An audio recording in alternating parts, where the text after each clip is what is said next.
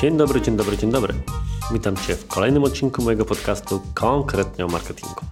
Jeżeli wszystko poszło po mojej myśli, to słuchasz tego odcinka tuż przed świętami. W zasadzie dzień przed. Więc jeżeli nie będziesz zadowolony albo zadowolona z prezentów, które znajdziesz pod choinką, to przygotowałem dla Ciebie listę alternatyw, innych rozwiązań, po które możesz sięgnąć i dokupić sobie samemu, żeby się pocieszyć. A tak już zupełnie poważnie, to postanowiłem po wielu głosach, które mnie do tego namawiały, przygotować odcinek na temat książek, które polecam.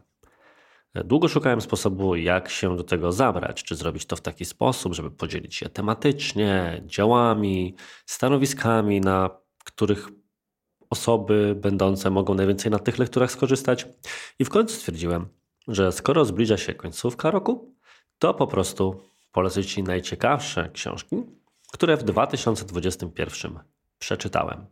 I jeżeli Ty ich jeszcze nie przeczytałeś albo nie przeczytałaś, to gorąco polecam, żebyś to nadrobił bądź nadrobiła właśnie w nadchodzącym roku. Bardzo mocno korzystam z Goodreadsa. Lubię ten serwis, pomaga mi wykrywać nowe, ciekawe tytuły, zanim pojawią się w ogóle na polskim rynku, a że książki czytam głównie po angielsku, to jest to dla mnie dobre źródło wiedzy. I lubię też, i co roku jest to jedna z pierwszych rzeczy, które robię po przebudzeniu w nowym roku, wyznaczyć sobie czytelnicze wyzwanie na dany rok i potem zaznaczać wszystkie książki przeczytane w ciągu danego roku. I w chwili, gdy to nagrywam, czyli 21 grudnia, mój Goodreads mówi mi, że za mną w tym roku 83 książki. Więc chyba całkiem nieźle.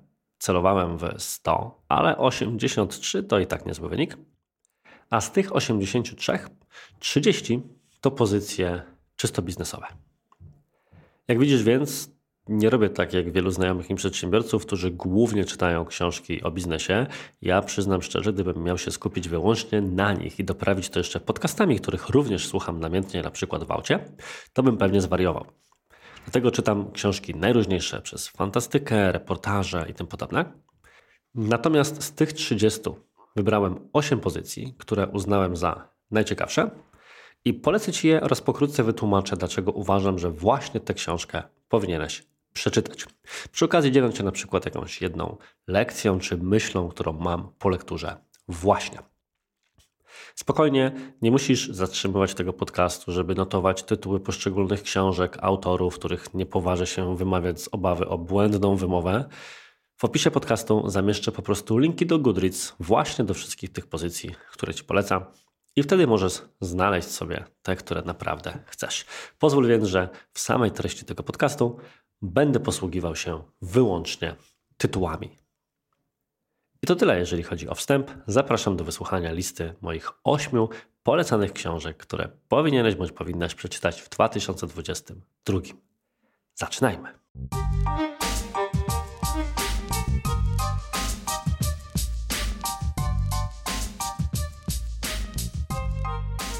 Pozycja numer jeden na mojej liście książka pod tytułem The Mom Test.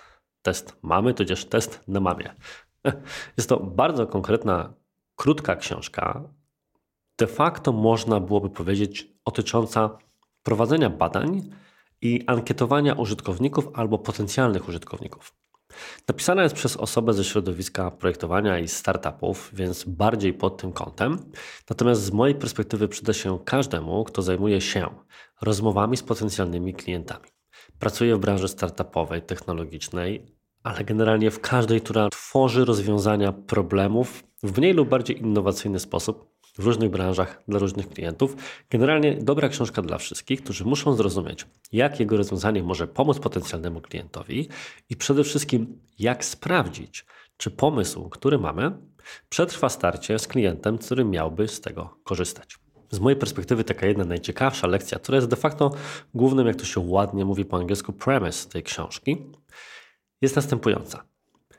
Nie powinniśmy nigdy pytać potencjalnego klienta, czy chciałby korzystać z produktu X, albo co o nim sądzi, czy uważa, że to jest coś, za co byłby skłonny zapłacić, czy czego byłby skłonny używać. Bo odpowiedź prawdopodobnie zawsze będzie brzmiała pewnie, dlaczego by nie. Chociażby z tego powodu, żeby nie zrobić nam przykrości jako osobom, które będą takie pytanie zadawać. Zamiast tego więc powinniśmy zadawać pytania nie dotyczące przyszłości, ale przeszłości i dowiadywać się, w jaki sposób ta osoba do tej pory rozwiązuje problem z X. I słuchając jej opowieści, wyciągać wnioski, czy jest tu miejsce na próbę zmiany takiego zachowania. Autor podaje właśnie przykład, kiedy na swojej mamie, stąd tytuł, testuje pomysł na aplikację, która miałaby wyświetlać przepisy na tablecie. I kiedy pytania dotyczą aplikacji, to wszystko wydaje się super. Ale potem, kiedy rozmawiasz z mamą w ten inny sposób, na tym fikcyjnym zdaje się przykładzie, to okazuje się, że mama ma już ten problem rozklepany w sposób zdecydowanie dla niej bardziej wygodny, czyli papierową publikację. Trudno więc oczekiwać, że postanowi zamienić jedno na drugie. Więc bardzo inspirująca książka pod kątem umiejętności zadawania pytań i interpretowania odpowiedzi, które się na takie pytania otrzymuje. Pozycja numer dwa: Radical Candor. Radykalna szczerość. Na polskim rynku funkcjonuje chyba w tłumaczeniu jako szef wymagający i zrozumiały. Sądząc po okładce, chyba jest to rzeczywiście ta sama propozycja. Jest to obecnie jedna z moich absolutnie ulubionych książek i książka ta dostaje ode mnie każdy nowo mianowany, nowo awansowany menadżer w teamie. Jest to elementem jego onboardingu do nowej roli. I cała książka opowiada trochę o sposobie, w jakim menadżer powinien podchodzić do relacji ze współpracownikami. I da się ją skrócić, ten sensie jej podstawowy przekaz, ideą, którą sama autorka określa jako Care Deeply, Challenge Directly. I w skrócie można by ją przetłumaczyć w taki sposób, że jeżeli swoim zachowaniem, postawą i podejściem do zespołu pokażesz, że naprawdę ci na poszczególnych osobach zależy, przede wszystkim jako osobach, a nie tylko jako wykonawcach Twojej woli, czy jakkolwiek inaczej, to wówczas uda Ci się zbudować ten poziom zaufania, czy ten poziom relacji, w którym będziesz w stanie udzielać na przykład bardzo bezpośredniego feedbacku, w nawet okolicznościach, które mogłyby się wydawać dla kogoś niekomfortowe, czyli na przykład przy innych, mimo że teoretycznie mówi się o tym, że powinno się zawsze feedbackować gdzieś tam na osobności, ponieważ ta osoba wówczas będzie wiedziała, że to, co robisz, robisz, ponieważ zależy ci nie tylko na Twoim dobrze, ale i na jej dobrze. Nie będzie więc tego elementu traktowania krytyki w sposób personalny i tak dalej, i tak. Jest to więc myśl, że bezpośredni feedback można dawać, i zostanie on dobrze przyjęty, jeśli zbudujesz relację opartą na zaufaniu. I tego typu myśli, które są mi bardzo bliskie, ponieważ mam podobne podejście, znajdziesz właśnie w tej książce i jest ona właśnie bardziej, powiedziałbym, o mentalnych rzeczach niż tylko wykonawczych, choć takie narzędzia w książce również się znajdują i gorąco Ci ją polecam. Książka numer 3, gdy regułą jest brak reguł. Książka o Netflixie może się znaleźć również na półkach w Empiku, z tego co kojarzę. I przede wszystkim chciałem pochwalić tę książkę, ponieważ jest świetnie napisana. Jest to książka, która dotyczy kultury organizacyjnej Netflixa. Powstała w taki sposób, że opowiada o tych kilku najważniejszych regułach, które tą kulturą rządzą. Natomiast dawno nie spotkałem się z tytułem, w którym oprócz tego, że autor, autorka opowiada, wykłada jakiś swój punkt widzenia, znajdują się wywiady z pracownikami, które potwierdzają, że ktoś zgadza się z tymi tezami, ale czasami też pokazują na przykład, że no jest to jakiś wymysł z góry, który w moim przypadku się nie sprawdza, albo wręcz jest dla mnie niekomfortowy. Więc naprawdę bardzo ciekawy sposób do podejścia takiej lektury, świadczący o przekonaniu, dopuszczaniu różnych punktów widzenia do głosu, bardzo zgodny z tą kulturą, którą Netflix zresztą prezentuje. I przyznam szczerze, że uważam, że jest to książka, na którą trzeba uważać właśnie, ponieważ po pierwszej lekturze można się nią wręcz zachwycić i stwierdzić: Wow, tak powinna działać każda organizacja i próbować przenieść taką kulturę jeden do jednego na swój grunt, co osoby bardziej obeznane z budową kultury organizacyjnej wiedzą, raczej się nie sprawdza. Co więcej, nawet pojedyncze reguły funkcjonujące w Netflixie są do tego stopnia radykalne, a momentami wręcz brutalne, że nie do końca jestem pewien, czy sprawdziłyby się akurat w naszym, nazwijmy to, europejskim środowisku biznesowym, bo bierzmy jednak poprawkę na to, że jest to firma amerykańska i ludzie działają tam nieco inaczej. Natomiast Jeżeli chodzi o ciekawe lekcje, które można z niej wyciągnąć, to właśnie można przede wszystkim zobaczyć podejście, którego akurat nie jestem fanem, czyli takie podejście typu pracujesz z nami tak długo, dopóki nie znajdziemy kogoś lepszego. I taka wieczna presja, która z tego wynika na potencjalne osoby będące członkami zespołu. To jest na przykład taki element, który ciężko sobie wyobrażam, byłby do przeszczepienia akurat na nasz grunt. Ale z drugiej strony, świetną lekcją, którą wyciągnąłem z tej lektury, jest zarządzanie przez wyznaczanie kierunku, a nie tylko konkretne działania do wykonania. Bardzo tutaj w, autorzy nazywają to bodajże zarządzaniem przez kontekst. Przykład, który się pojawia, to kwestia wydatków na, dajmy na to, korację czy konferencję firmową. Jeżeli jest to kwota X, to bardzo prawdopodobne, że ktoś po prostu tę kwotę X maksymalnie wykorzysta. Ale jeżeli pojawi się dość ogólny zapis typu nie wydaj za dużo, to nagle się okaże, że te wydatki są niższe niż założone maksymalne X, nawet jeżeli ono było dość niskie. Bo co to znaczy za dużo? Każdy zinterpretuje to inaczej, no i będzie wiedział, że tutaj pojawia się wątek dobra firmy. Stąd na przykład ja zaadoptowałem tę zasadę do takiej zasady naszej firmowej, że jeżeli przejmujemy jakieś konto reklamowe, to naszą podstawową zasadą, pierwszymi rzeczami, które musimy zrobić, nie jest jakiś sprawdzony zestaw działań, tylko zasada po pierwsze nie szkodzić. Więc pierwszą rzeczą, szczególnie gdy przejmujemy duże konta zarządzające dziesiątkami czy setkami tysięcy złotych, jest to, żeby zachować obecny poziom wyników, bo zbyt często widziałem w historii, w których jakaś agencja przejmowała konto po agencji czy wewnętrznym dziale klienta i wprowadzała swoje rewolucyjne zmiany, ponieważ ona wie lepiej, i w rezultacie wyniki zamiast rosnąć, zaczynały na przykład o połowę spadać. Więc my musimy umieć podejść do tego w taki sposób, żeby po pierwsze nie szkodzić i takie działania podjąć, które będą bezpieczne dla tego konkretnego konta. A żadne konto nie jest uniwersalne i nie wszystkie działania są replikowalne. Więc bardzo ciekawa lekcja o tym zarządzaniu przez kontekst, przez wyznaczenie kierunku. Polecam Ci właśnie pod tym kątem chociażby tę lekturę. Pozycja numer 4. Książka How Brands Grow Książka, z którą oj, miałem bardzo duży problem, kiedy ją czytałem. Z prostego powodu, ta książka bije chyba we wszystkie takie prawidła marketingowe, o których e, ludzie są uczeni na studiach. Książka autorstwa Byrona Sharpa otwarcie nie zgadza się z takimi konceptami, które pochodzą jeszcze od Kotlera, jak na przykład lojalizacja konsumentów.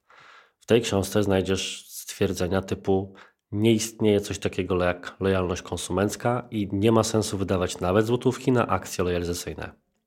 To z tej książki prawdopodobnie e, różne osoby, które mówią, że nie warto udzielać rabatów na wszelkie działania, ponieważ jedyne co to aktywizuje, to osoby, które i tak by kupić miały, to kupują. To właśnie z tej książki znajdziesz prawdopodobnie, czy ci autorzy prawdopodobnie wyciągnęli te myśli. Co ciekawe, ta książka również bardzo mocno atakuje koncepcję pozycjonowania w rozumieniu pewnego wyróżniania się czy unikalności produktów na rynku. Tak, nawet coś takiego, co wydawałoby się wszelaką podstawą i ma na to naprawdę sensowne wytłumaczenie oraz badania.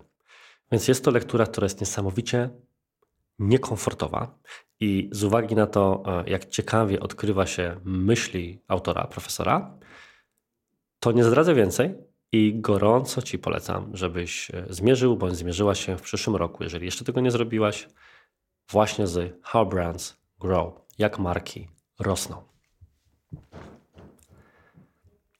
Pozycja numer 5. Crucial Conversations. Kluczowe, najważniejsze rozmowy.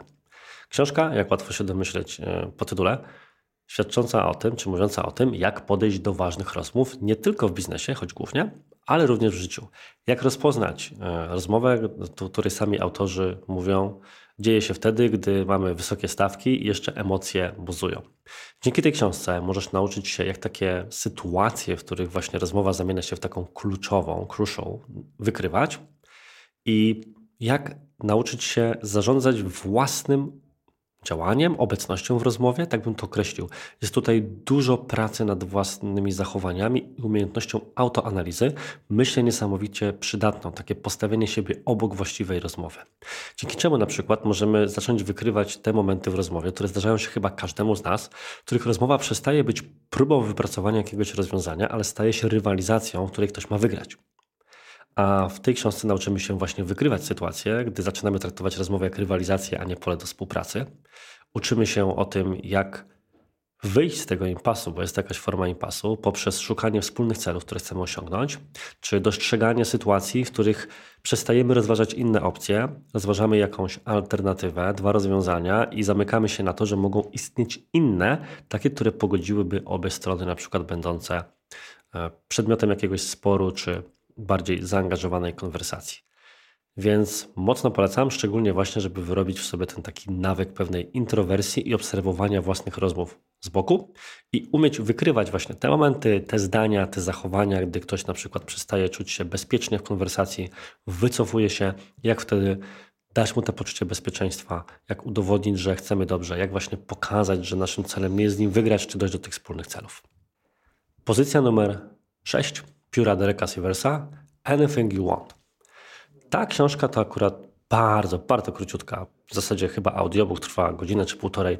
Historia startupu pod nazwą CD Baby i szczerze polecam Ci ją nie dlatego, że jest w jakiś sposób wyjątkowa w kontekście tego, jak wielki sukces osiągnął ten startup czy ten autor, ale przede wszystkim jako ciekawą lekturę, która pokazuje, udowadnia w zasadzie jedną tezę.